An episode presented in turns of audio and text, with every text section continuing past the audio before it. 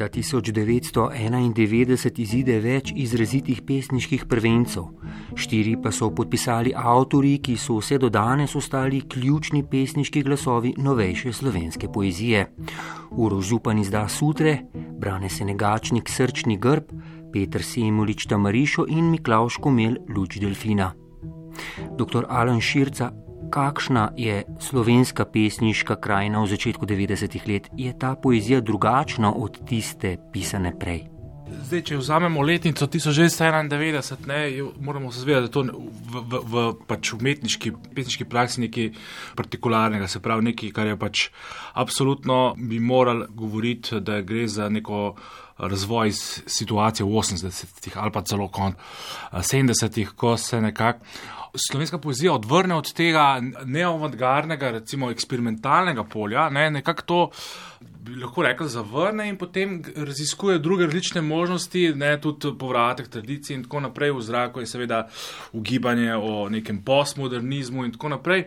Skratka, tukaj v 80-ih letih se začne, se začne širiti to polje, ne, recimo poznamo ta hribar, takrat začne govoriti o avtopoetikah ne, in tako dalje. In to je ta situacija, ki mi pridemo recimo v začetek uh, samosvete Slovenije.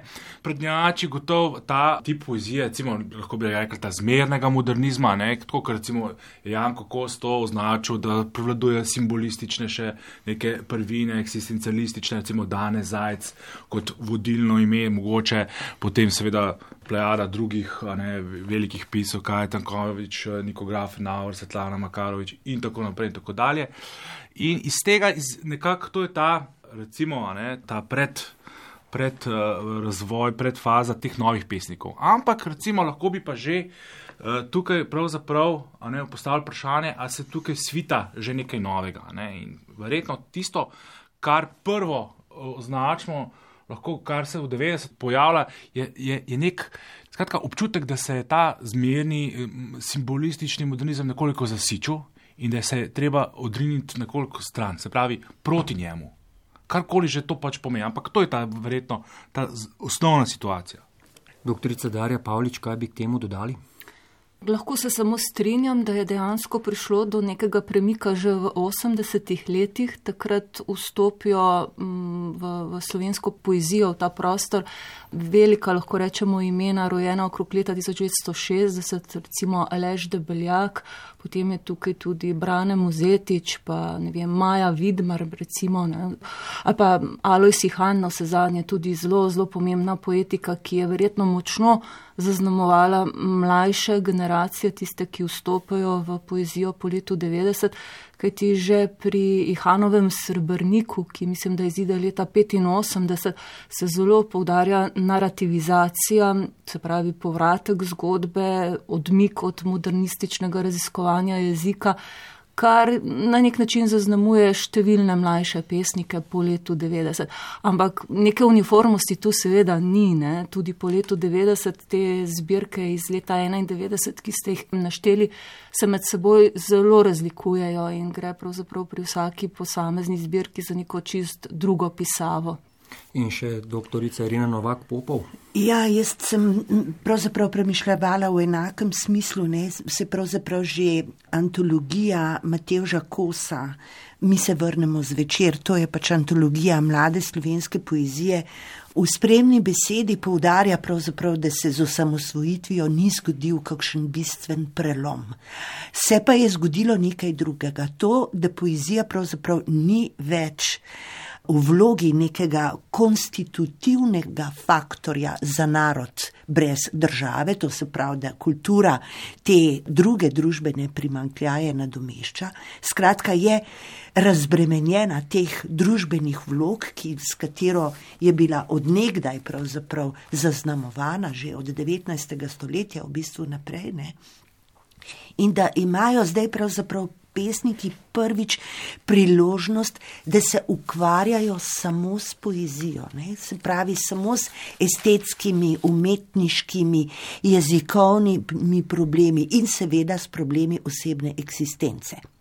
Ne, se pravi, raziskovanje medija, raziskovanje svojega življenja, in da to v bistvu ta letnica ni prelom, se pravi, ni treba pobiti očetov, se distancirati kot neka opozicija do predhodnikov, ampak vzpostaviti nek tvorni dialog in to ne samo slovensko tradicijo, ampak tudi svetovno poezijo. Ne. To je zelo opazno, ne, da se slovenska poezija v tem času izjemno odpre in V skladu s postmodernizmom je tudi tako imenovana intertekstualnost. To pomeni, da ti lahko v svoj tekst ugrajuješ besedila, govorice, sloge, navedke drugih avtorjev in s tem pravzaprav bogatiš neko domačo tradicijo.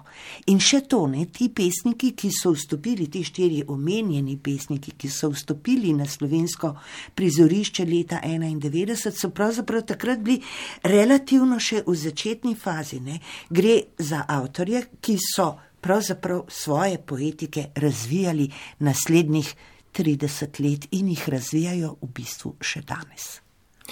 Doktor Alan Širca, če vas citiram v enem tekstu, namreč omenjate, konec 80. in v začetku 90. let prejšnjega stoletja se je v slovenski poeziji vzpostavilo stanje napetosti med kuhano in surovo poezijo če si lahko sposodimo kulinarično distinkcijo, ki jo je vzpostavil ameriški pesnik Robert Lovell. Lahko kaj več poveste o tem in zakaj je pravzaprav ta distinkcija tudi znotraj slovenske poezije v začetku 90-ih. To je pač izraz, ki ga je upeljal Levi Stros, ne kot Levi Stros, strukturalistični antropolog ki je povezan pač tudi strukturalistično, ne, pravzaprav teoretsko paradigmo, na, na potem, ki je prišla ne, v 60-ih let, sredi 60-ih let na ameriške univerze. Ne.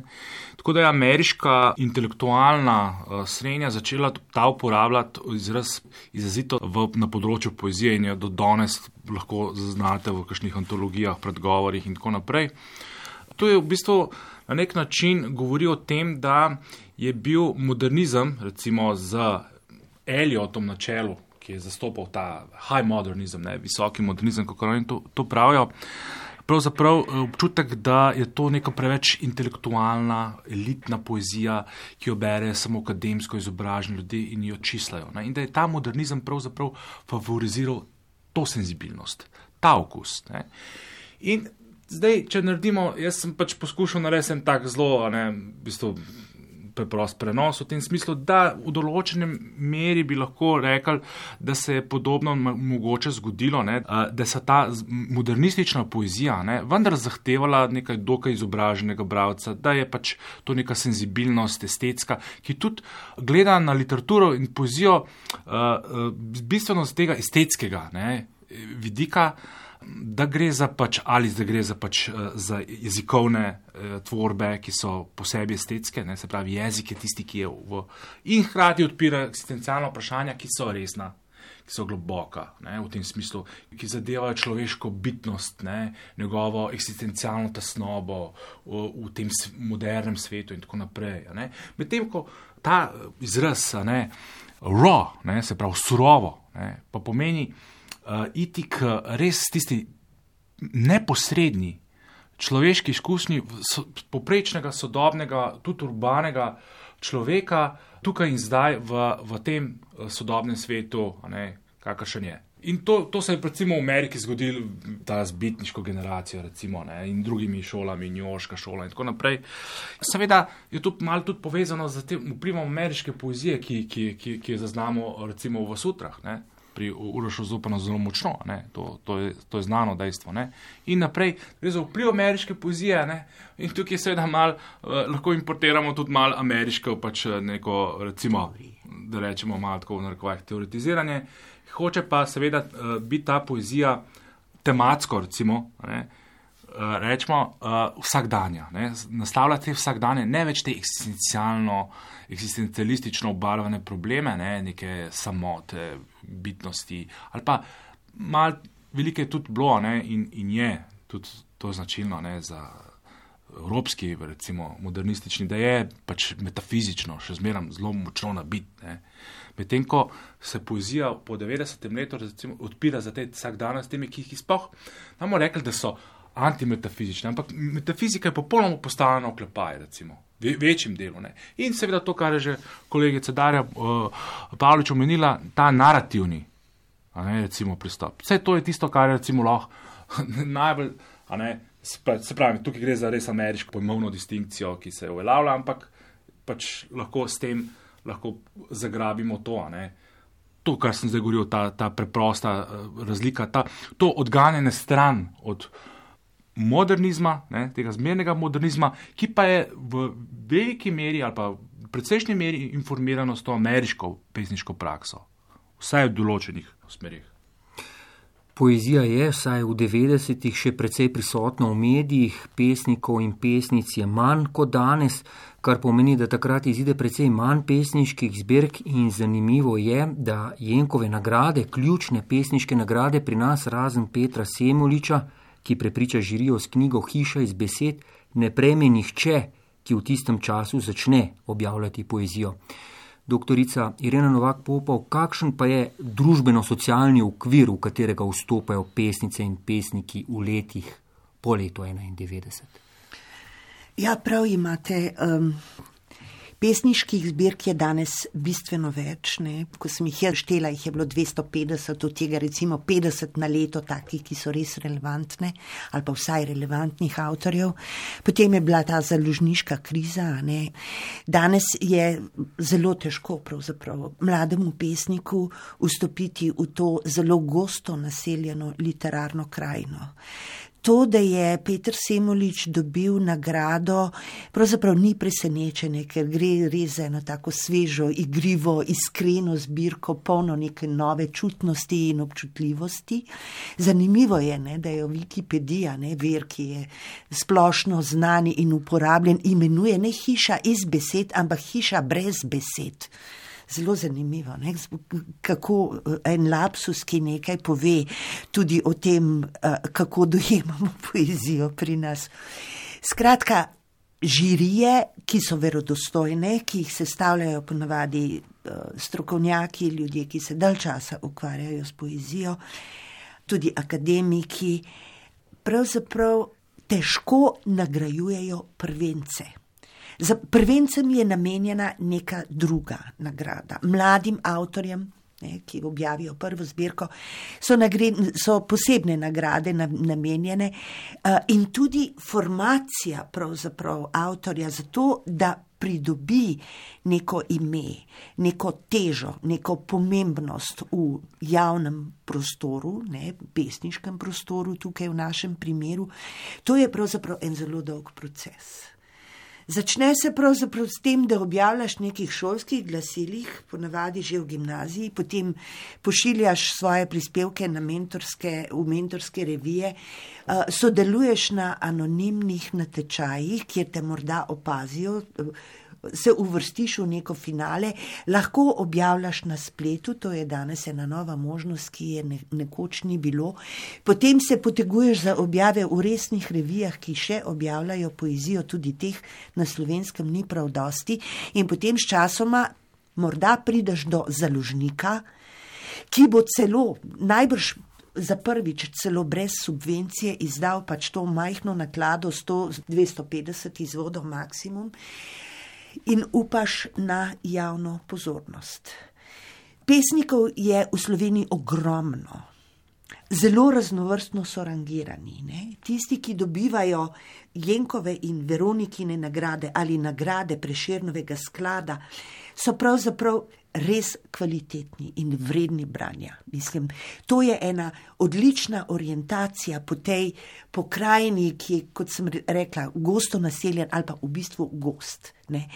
Za nekoga, ki bi šele hotel spoznati to področje, je pa to tako rekoč nepregledno. Ne. Zato nam te stvari pomagajo. Od prvenca je potem baje še težje objaviti drugo zbirko. To sami pesniki pravijo.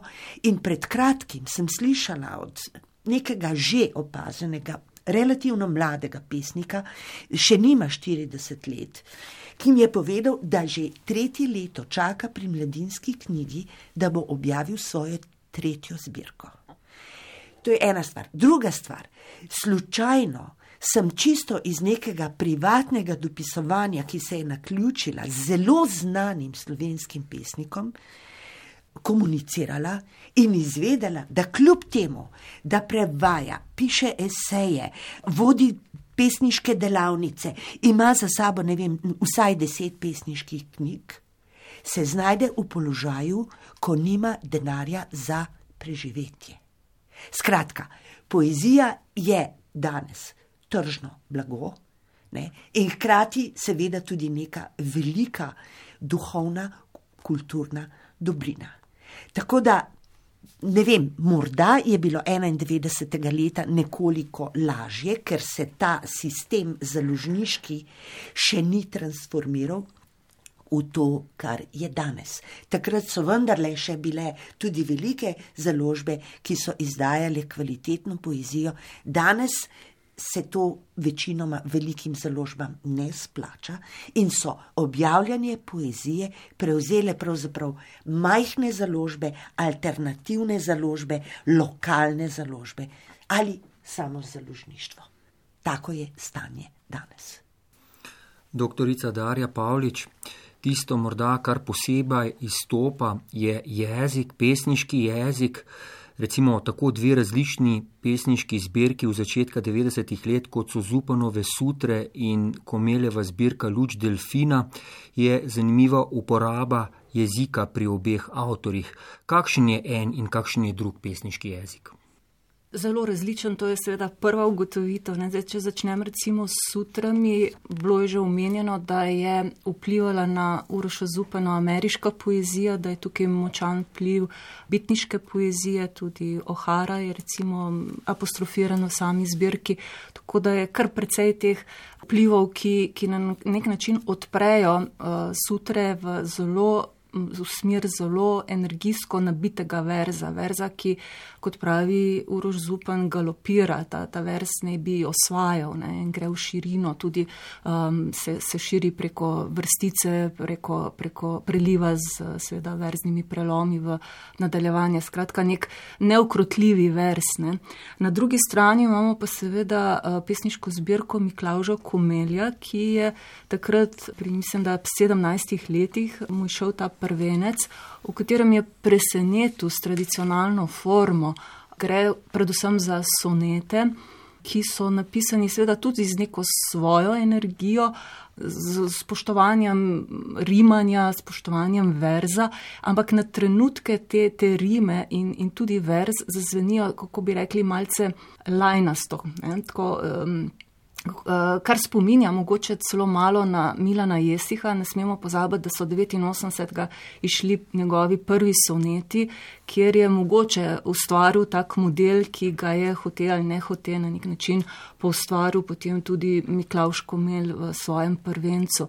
Kar se pa tematike tiče, zanimivo, da Miklaš Komel že ali pa predvsem v tej zbirki zelo odprto korespondira z Bogom in nagovarja Boga in govori o teh velikih temah, ne, ki, ki so bile mogoče malce manj običajne za kakšno drugo poezijo tistega časa.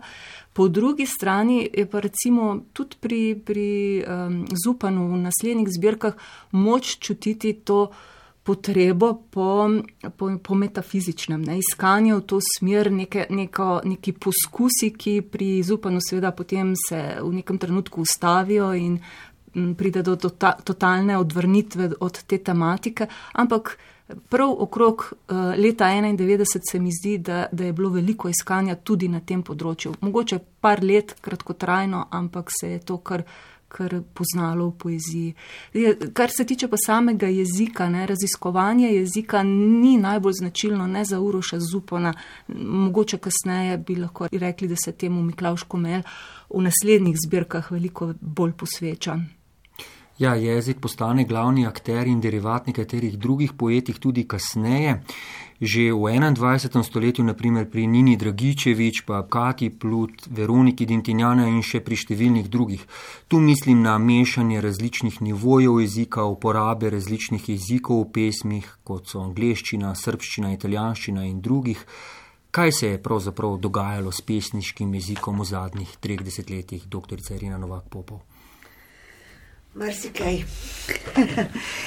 ne gre samo za to, da. Uh je poezija prostor, ki lahko usrka celotno besedišče, si ga celo izmišljuje. Ne? Z rabo tujih jezikov je začel pravzaprav že Šalamun in to tako, da je v tujih jezikih povedal tudi stvari, ki jih v slovenščini ni hotel povedati, pa so bistvene. Ne? Pour un jeune Chalamun, ki se vend dans la rue, za mladega Šalamuna, ki se prodaja po cestah. Ne? Če ne znaš francosko, seveda ti to nič ne pomeni. Potem španščina, potem latinščina, nemščina in, in tako naprej. Skratka, to je bil takrat znamenje uh, nekega odpiranja in tudi zmožnosti poezije, da usrkava tisto, kar pesnik bere v izvirnikih, tisto, kar, kar srečuje na teh svojih uh, potovanjih, nenehnih, ne, Šalamun je največji nomad pravzaprav. Ne. To se mora poznati pri jeziku, to je ena stvar. Druga stvar je, različni nivoji, različne ravnine v smislu socialne zvrstnosti. To se pravi, v poeziji se lahko pojavi banalno besedišče, vsakdanje, vulgarno, pogovorno, žargonsko, tudi zelo specialistično strokovno. S tem je začel recimo Milan Dekleva. Jaz se spomnim, kako sem uživala, ne? ker je pravzaprav v neke klasične predstave vnašal nek scientizem, mislim, nek, nek znanstveni diskurs. V zadnjem času pa se mi zdi, da gre še za eno novo vrsto prisvajanja in sicer različnih drugih govoric, se pravi diskurzov, načinov, kako tvorimo besedila, kako razmišljamo. To se pravi, kot da pesniški jaz kaže vso svojo socialno zvrstno in sociolingvistično jezikovno kompetenco in na ta način pravzaprav tudi bogati poezijo. Lahko se pojavlja psihoanalitski, teoretski, jezikoslovni, sociološki, antropološki, filozofski diskurs, pa seveda tudi bolj popularni žanri, recimo ne, publicistični, senzacionalistični, da ne rečem uh, cinični, diktatorski. Ne. To so vse govorice, s katerim se lirski jaz sooča, se do njih opredeljuje, kajti to je v bistvu jezikovno posredovana resničnost. Ne tista čutna, ne, tisto doživljanje, ampak to, kar je jezikovno prisotno. In jaz mislim, da se v tem smislu tudi slovenska poezija bogati in eksperimentira na nek način. Ne. Ja, pri nas imamo dobro razvito eksperimentalno poezijo iz konca 60. in začetka 70. let 20. stoletja, ki kasneje, saj ne v takšnem razcvetu, ni nikoli več zaživela. Kako pa je z eksperimentalno poezijo oziroma s pesniškimi eksperimenti v slovenski poeziji po letu 1991, doktorica Darja Pavlič? 90. leta mislim, da niso posebej značilna po pesniških eksperimentih. To je vendarle obdobje nekega iskanja novih načinov, tudi novih tematik, obdobje velikega individualizma, poudarjanja posameznika, mogoče to vezano tudi na ta poosamosvojitveni čas, ko se mi zdi, da je to kolektivno nekako razvodenelo ne, in tudi, tudi kolektivne poetike nikakor se ne razvijajo, ne prihaja do, do pač m, mm, izražanja posameznika. Bolj mogoče po letu 2000 lahko govorimo o razcvetu, neke, nekem novem razcvetu eksperimentiranja. Mogoče je tukaj Primoš Čučnik eden prvih, ki, ki ga lahko omenimo. Že prej omenjeni Miklaš Komel, seveda svojo poezijo. Spravi, na začetku mogoče prednjačijo tej pesniki, ne, moški glasovi. Se pa v novejšem času mislim, da tako kot tudi na drugih področjih ta plemenica ali štafeta, ali kako naj rečem, zmeraj bolj prenaša v ženske roke. In uh, imamo zdaj vrsto pesnic, ki pišejo res na zelo eksperimentalne načine. Od ne vem, Kristine Hočevar do Nine Dragičevič. Um, to, to je ta poezija, ki, ki je res zdaj sveža, aktualna, tako po načinu pisanja, kot tudi po raziskovanju jezika. Ne. Tu imamo ogromno nekih poskusov mm, zvočnosti, zvočenja poezije, jezik, ki se hoče mm, razgraditi skozi zvočnost, približati nekim tudi novim pomenom, eh, poigravanja z jezikom, besedne igre, neka dvojna branja, ki omogočajo različne interpretacije. Tega je res ogromno. Da ne govorimo o tišini, ne, o vrzeli, o tem, da pustiš vem, premolk v verzu, tako za Kristino Hočevar, kot tudi za Nino Dragičevič, to značilno pa do tega, da pustiš prazno stran, kot je zdaj naredila Nina Dragičevič v zadnji zbirki. Tega, tega raziskovanja mislim, da je, da je pri ženskah v zadnjem času res veliko. Doktorica Irina Novak Popo. Ja, jaz sem hotela samo še malo dopolniti, ne, da ta eksperiment, ne, ta eksperimentalna, ta raziskovalna, uh, raziskovalni zanos ne, poznih 60-ih in zgodnih 70-ih let je bil zelo vezan na neke družbene okoliščine, ne, na prve sprostitve, prvo tudi politično liberalizacijo, potem na vsa protestna gibanja, ki so se dogajala po svetu, ne, to je le, danes to imenujemo maj 68. Skratka, šlo je za neke uh, utopična pričakovanja, kako bo svet svobodnejši, bolj odprt, prijaznejši, eh, poln ljubezni in miru na vse zadnje. Ne. To je bila ta faza, ne, od nekako od 66 pa nekako do 75 oziroma še s podaljški pri Zagoričniku. In zanimivo je, da so ti avtori predvsem raziskovali znak, besedo, črko, kot neko vizualno gradivo. Na vse zadnje je obstalo poimenovanje vizualna in konkretna poezija. Ti eksperimenti, o katerih je govorila Darja Pavlič ne, in ki se dejansko pojavljajo tam nekje sredi prvega desetletja, ne, novega stoletja, pa so usmerjeni predvsem v zvočnost. Zvočnost recimo ni bila, ne, tudi tehničnih sredstev ni bilo in tudi te tehnologije za proizvajanje zvoka so bile v bistvu še zelo primitivne. Ne. Danes pravzaprav se zavedamo, da je zvok prvič zelo pomemben, ne, da je hkrati zelo moteč lahko, ne, hrup, ne, onesnaževanje zvokom, o tem govorimo. In je pa en drugačen čas, ne. to je čas globalizacije, čas neoliberalnega kapitalizma, ki se zdi povsod približno enak. Ne? In gradivo raziskovanja je drugačno. Ne? Se pravi, intertekstualne povezave oziroma intermedijalne povezave, zlasti stikanje poezije in glasbe in raziskovanje zvočnosti, se pravi, glasovja, barve, onomatopoji, ritma, pa seveda tudi nekako, recimo, eno natisnjeno besedilo zgleda na strani in hkrati tudi, mislim, da so opada tudi, to tudi z raziskovanjem sintakse. Kaj drži stvari skupaj? Kakšna logika in kako je tudi ta logika pravzaprav lahko postavljena pod vprašaj in se razpre v nekaj novega. Tematsko se slovenska poosamosvojitvena poezija mnogokrat spogleduje z vsakdanjostjo in njene predstavnice in predstavniki mnogokrat obesedujejo vsakdanje dogodke, navadno življensko izkušnjo, kot to vi imenujete v enem od tekstov dr. Alan Širca. Na kakšne načine poteka to obesedovanje te vsakdanjosti? Poglejte, pač to, kar smo že govorili, ne, vsakdanjost pomeni vsakdanjost eh, katerega človeka. Ne. Se pravi, slovenska poezija je del pesniških praks globalnega zahoda danes. Ne.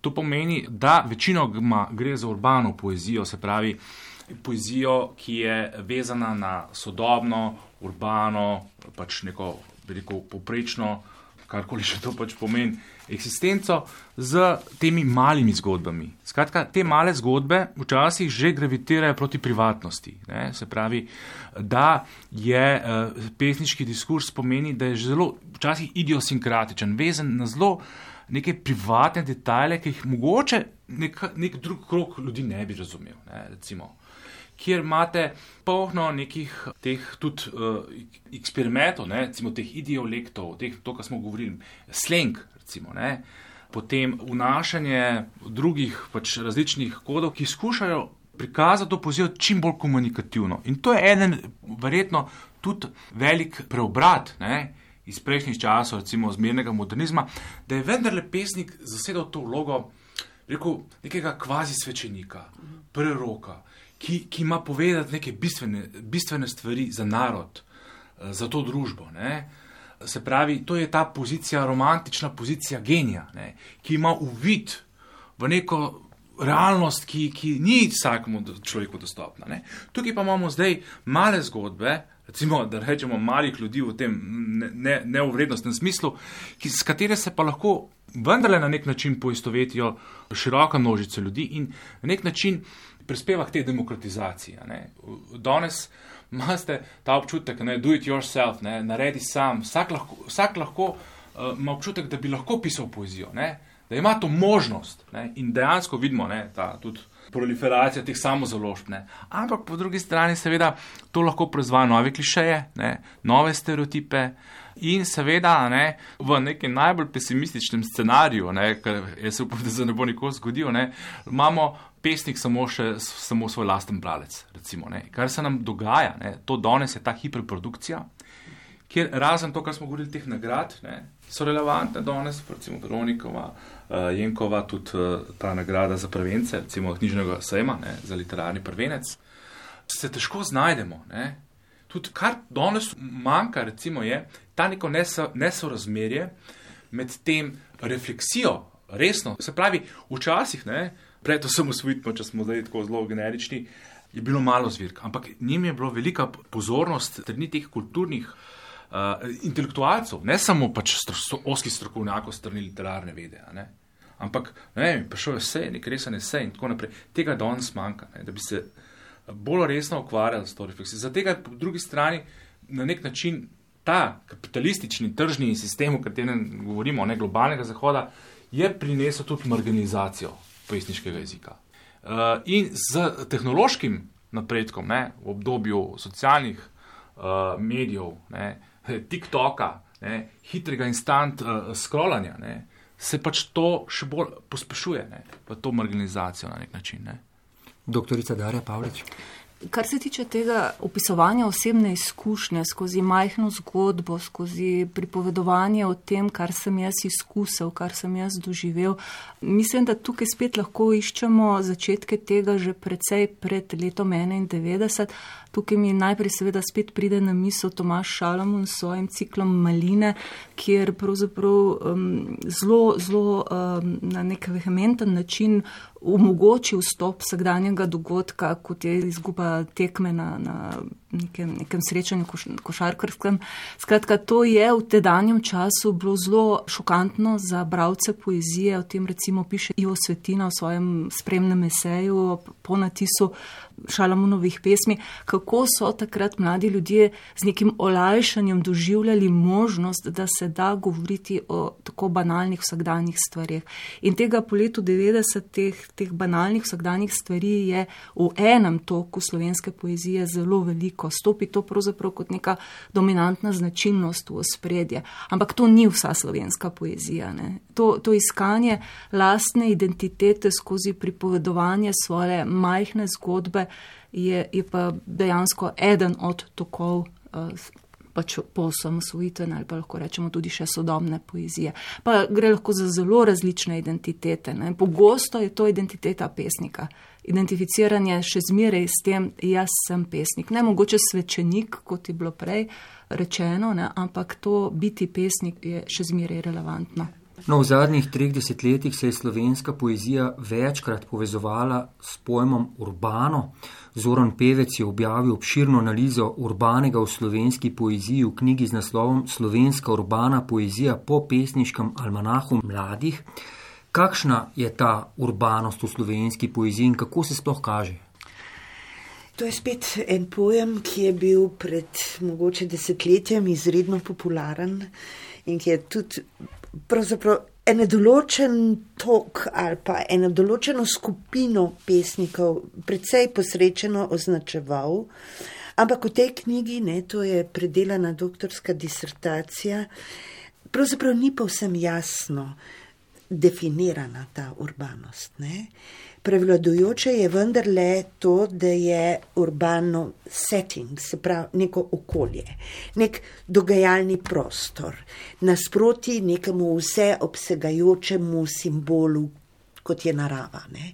Niti ne kot opozicija naravi, ampak kot nek drugačen, modern način življenja, nek slog, seveda tudi odprt, napreden, svoboden, v primerjavi s podeželskostjo, a ne ruralnostjo. Eh, danes seveda se lahko vse to problematiziramo, ne, ker vemo, da v napredek ne verjamemo več, tehnologije so postale zelo nevarne in tako naprej. Skratka, skozi urbanost se kažejo tudi sicer neke univerzalne teme, ki so značilne za vso literaturo. Recimo razmerje med posameznikom in množico. Ne? V urbanih okoljih, zlasti v teh megalopolisih, ne? ki jih seveda pri nas nimamo, gre za nekega osamljenega, izgubljenega, negotovega posameznika in neko maso, neko množico, anonimno, ki pravzaprav skoraj kot stvar. Skratka, ne za neka pristna razmerja, čeprav je hkrati mesto, ne prostor izmenjav, srečevan, prostor, koncentrat kulture in zgodovine. Na vse zadnje so to pesniki, ki so veliko potovali tudi po velikih mestih, pisali razne beležke, ne, obiskovali galerije, muzeje, koncerte, kinodvorane, odkrivali nove pesnike in tako naprej. Tisto, kar je dragoceno, pa ni povsem izpeljano v tej knjigi, pa je tudi sprememba jezika, oziroma da se urbanost kaže tudi na jezikovni ravni. Smo že govorili, ne? in kolega Širca je govoril tudi o tem ameriškem vplivu, se pravi, nek demokratičen odnos do jezika, zelo povezan tudi.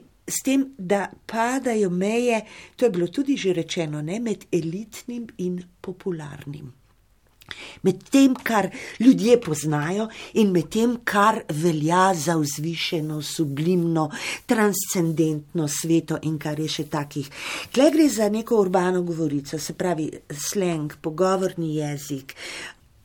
Tisto, kar se je izkazalo, pa je, da pravzaprav ta urbana poezija ne, je zelo vezana tudi na te izkušnje, se pravi izkušnje tujine, daljšega bivanja v tujini, eh, kot rečeno, z nekimi vele mesti, kjer pa lahko slovenski pesniki, tukaj mislim predvsem recimo na Braneta Muzetiča, odkrivajo tudi neke povsem degradirane, dehumanizirane prostore z nekega socialnega dna, nekaj, kar je sicer skrito in česar to ne, površno doživljanje tujih bleščečih vele mest z vso to čudovito arhitekturo ponavadi ne vidimo. Ampak poezija to odkrije in to je začel recimo tudi že Šalamun, predvsem pa Aleš Debeljak. Ne. Doktorica Darja Pavlič.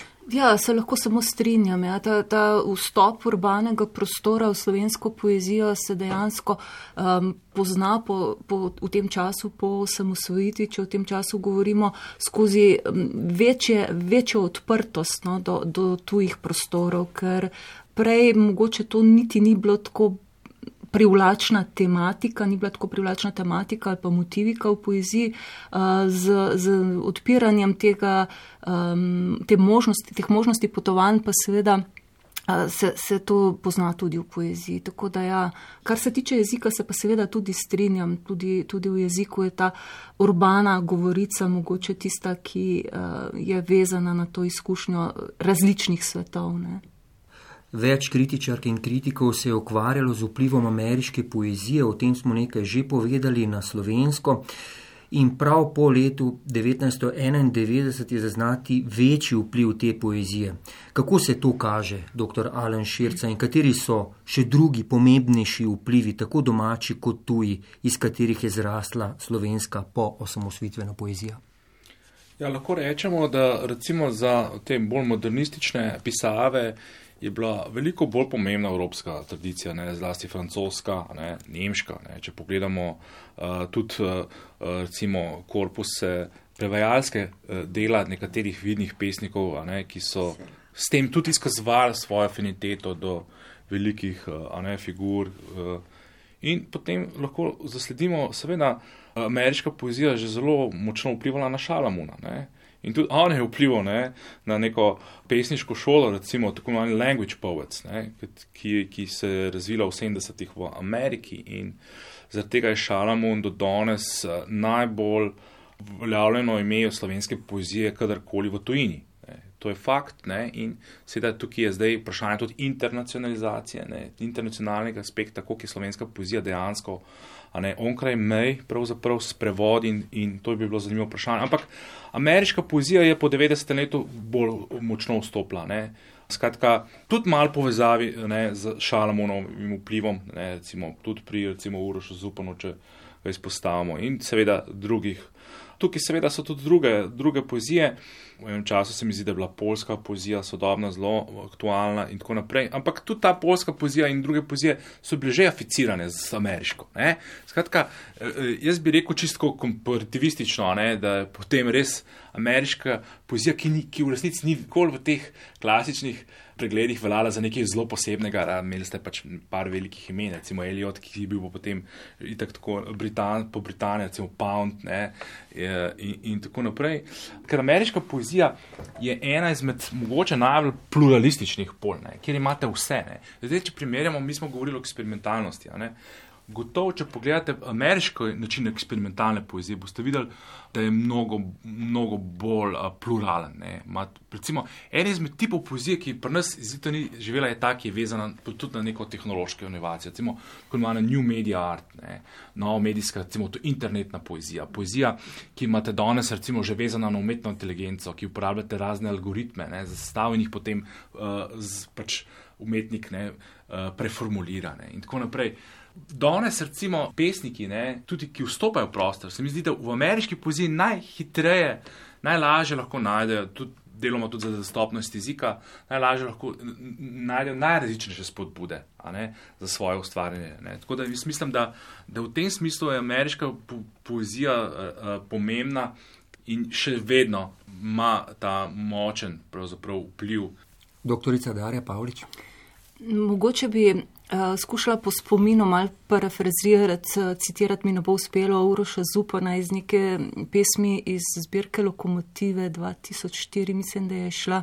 In tam pravi približno tako, američani so zanimivi, poljaki so zanimivi, francozi so francozi in se še zmeraj delajo francoze, italijani so slabo prevedeni, Rusi, pri Rusih smo obstali nekje pri Mandelštamu, In potem so tu še Nemci, s katerimi smo se išli leta 1970, ampak pravi mali narodi, ti so pa bombastični, ampak mi jih ne poznamo in oni ne poznajo nas. In tu smo zdaj seveda spet pri vprašanju prevoda. Ne. Prejšnja generacija, ta, ki, ki je vstopala v 80-ih letih, se je tega izjemno dobro zavedala in so veliko naredili uh, za to, da je slovenska poezija se začela bolj prevajati in tukaj mislim tako na Leša Debeljaka, kot tudi seveda na Branata Mozetiča z njegovo uh, angažiranostjo pri, pri založbi in vsem tem početju. Skratka, prevodi, ne, več kot je prevodov, uh, večji so potem tudi te stiki in kontakti. Drugače se pa seveda strinjam, američani so daleč najbolj plivali na sodobno slovensko poezijo. Obstaja celo ena disertacija, nastala na oddelku za anglistiko, njen avtor je Samo Šalamon, ki je raziskoval, ne, koliko več se je prevedlo, kdo so prevajalci in potem tudi, kako so pre, samo prevajanje, kako je delovalo na zmožnost sprejemanja in tudi apropriacije, prisvajanja pravzaprav pri posameznih pesnikih. Jaz bi k temu dodala pravzaprav še čisto konkretne izkušnje. Ne? Zelo dobra motivacija za zanimanje za ameriško poezijo in sprejemanje njenih spodbud, ne? se pravi širjanje nekega literarnega repertoarja, tehnik in tako naprej, je tudi bivanje posameznih pesnikov. Ne? In to so recimo Tomaš Šalamun, Uroš Zupan, Gregor Podlogar, Primoš Čupčnik, isto Kosojnik in tako naprej. Ne?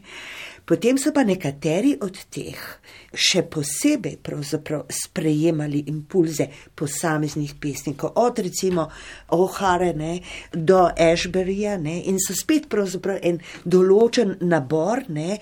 Jaz sem posebej raziskovala recimo v tem smislu Čučnika, Podlogarja, Toneta Škarjanca, ne smemo pozabiti. Ne. Ena posebna drža, ki sem jo jaz takoj lahko povezala s Garyjem Snyderjem, to je en čudovit ameriški pesnik, ne. zelo povezan z naravo in z eno tako res fantastično senzibiliteto, neko počasnostjo, zamišljenostjo, meditativnostjo, tako enim takim vzhodnjaškim duhom, tu pa ste v Ameriki. In Ana Pepelnik, ne? ki pa pravzaprav gre najdalj, ne? najbolj radikalno se obnaša. Ona je sposobna vzeti ameriško poezijo, jo razrezati in se staviti na novo. Se pravi, nek remake, neko recikliranje, se pravi, ne samo neko občudovanje, sprejemanje, podrejenost, kar je implicirano v izrazu vpliv, ampak neko aktivno prisvajanje, kaj potrebujem, pa ni v domači ali pa tega ni v evropski tradiciji pa spet ne najhujše uh, radikalni eksperimenti iz ameriške poezije. Ja, Ni, niso ja. tisti, ki bi nagovarjali očitno tako zelo. Seveda, to je pa sploh tipološka lastnost ja, ne, slovenske poezije. Mm. Vedno sprejmemo v neki reducirani obliki ne najbolj radikalnih reči. Ne. Doktorica Irina Novak Popov, nihče, ki se danes ukvarja s sodobno oziroma novejšo slovensko poezijo, ne more spregledati dejstva, da je na začetku 21. stoletja v spredje stopil ženski pesniški glas. Katere so torej ključne pesnice, ki so takrat začele objavljati in kaj je za njih značilno? Pravzaprav jih je bilo na začetku 90-ih let še relativno malo.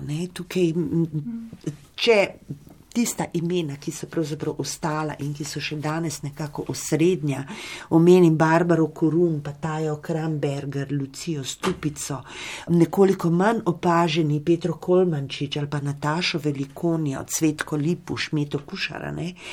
Danes je pravzaprav se dejansko ženska poezija v razcvetu in jaz si upam trditi, da je boljša kot tista, ki jo pišejo avtori. Mislim, tle imam, mislim, celo vrsto imen, pa bom samo nagrajene omenila. Kristina Hočevar, Anja Golob, Veronika Dintinjana, Alenka Jovanovski, Katja Perat, Kaja Tržan, Nina Dragičevič, Vesna Liponik, pa še vsaj 20 drugih, ne, nekoliko manj opaznih kaj prinašajo novega. Ne? Ena zelo subtilna, zelo kompleksna, vitalna, tudi neprizanesljiva drža do preostankov in to zelo močno delujočih preostankov.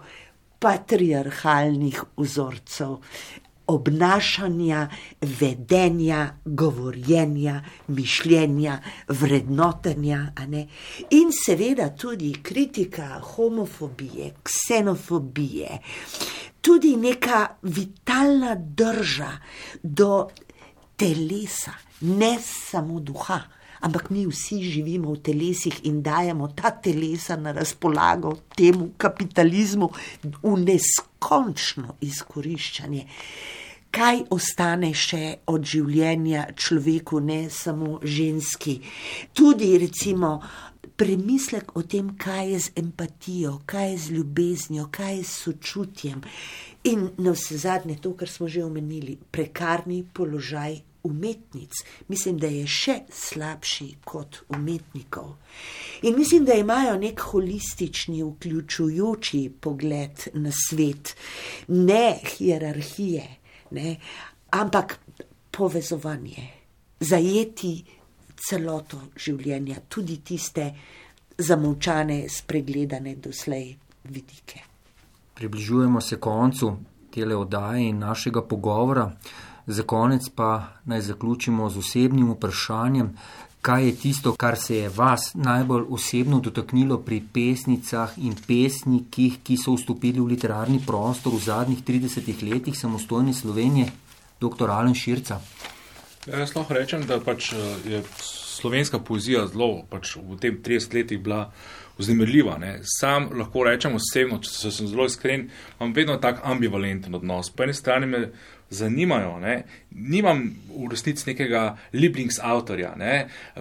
pri zelo pač, priljubljenega pesnika, ki bi mi zelo pri srcu, bi mu tem zelo sledil. Ne. Ampak gotovo so tukaj imena, ki so zelo zanimiva. Sam ne zmorem tega tempa, da bi zelo redno spremljal, se ukvarjam tudi z drugimi rečmi. In tako naprej. Ampak lahko rečem, če sem čist sodobni, ne, v letu 2020, ne, malo tudi leto 2022, ki sem bil pač tudi v, v neki žiriji lahko izpostavimo pač eh, prav te ne, ženske glasove, ne, recimo Ana Pepelnik, Tina Kozin, recimo, ki so bili z njimi potem od eh, starejših mogoče avtorjev, ki so že v 80-ih, Esad Babačič, ne, pa od malo mlajših, ne, recimo eno ime, ki je relevantno, če dalje bo recimo Moani Sinanovič, ne, recimo, in seveda tudi pač nagrajenka za prvenec, recimo Natalija Milovanovič. Tako da jaz mislim, da uh, je absolutno uh, lahko pričakujemo, da se bo slovenska poezija še pluralizirala, da se ta pluralizacija še ni, ne, eh, da smo v bistvu uh, nekje komaj dobro začeli ne, in pričakujemo lahko če dalje različnejše prakse ne, in v tem je seveda tudi vznemirljivo branje. Doktorica Darja Pavlič. Ja, zmeraj znova je tako, da tisto, kar, kar je tisti trenutek najnovejše ali pa ti je najbližje, je, je pač najbolj v spredju ne, pogleda. Tako da zdaj generalno reči, da bi iz 30-letnega eh, obdobja lahko rekla eno samo ime ali eno, eno samo zbirko, tudi jaz tega si ne bi drznila. Ne. In dejansko to, kar me trenutno najbolj znamirja, so pesnitve, se pravi dolge pesmi slovenskih avtoric, eh, že danes omenjenih eh, Nine Dragičevič, Kristine Hočevar, tudi Katja Gorečan. In se mi zdi, da je to eno področje, ki ga popolnoma na novo odkrivajo slovenski poeziji, ne samo ženski, nasploh slovenski poeziji. In kjer bo v bodočnosti verjetno še marsikaj zanimivega se zgodilo. In še doktorica Rena Novak Popov. Jaz imam tudi veliko ljubimcev, ne, oziroma kupujem tako, kar vse njihove zbirke, ne, to je mogoče tam enih 20-30 imen, ki jih seveda tukaj ne bi naštevala, ampak tri pa so nekako, ki, ki so me zelo se dotaknili. Ne? Prvi, recimo, danes že večkrat omenjeni Miklaš Komel. Zakaj? Zato, ker me vedno sili v eno intenzivno branje, študiozno branje, veliko je treba vedeti, googlanje, ne? to sem prvič doživela pri Šalamunu. Ne? Predvsem pa z, z nekim ustrajanjem v prostoru odprtega paradoksa. Ne? Nič ni gotovo, vse je samo zasilno in začasno postavljeno skupaj. Potem Anja Golob. Anja Golob z neko, jaz temu rečem, čisto dušo, ne? eno tako zelo izčiščeno držo, nepodkupljivostjo. Ne? Ona je pripravljena deliti z bravcem tudi svoje razočaranja, poraze, bolečine, neznosne bolečine. Ne? Ta njena zbirka, ki ima naslov po celi prvi pesmi, je, je pravzaprav nekaj fenomenalnega, zelo težko berljivega, ker razpada skladnja. Ker hoče pokazati, ne, kako je razpada osebnost po enem ponesrečenem ljubezenskem odnosu, in tudi že omenjena Nina Dragičevič, ne z enim izjemnim ponosom, izjemno načitanostjo, ne? to je doktorica sociologije ne? in z velikimi ušesi, ki poslušajo ta svet od hrupa do birokratskega diskurza, do krikov, bolečine, eh, mučenih ubitih živali, mučenih žensk in hkrati nekih banal, drobcev, banalnih diskurzov in vse to v nekem strahotnem, energičnem, ritmičnem impulzu. Ne. Tako da teh treh sem se recimo zdaj le domislila, lahko pa bi govorili tudi o mnogih drugih, ne, ki jih imamo radi, ki pa imajo lahko tudi kakšne zdrse, kakšne pace. Ne. Niso vedno vsi na višini, ampak poezija je ponavadi znak resnike mladostne energije.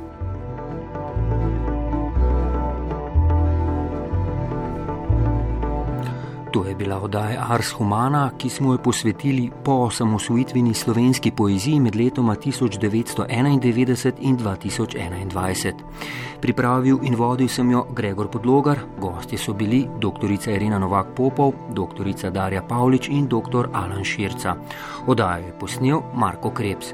Hvala za vašo pozornost, pa lep pozdrav.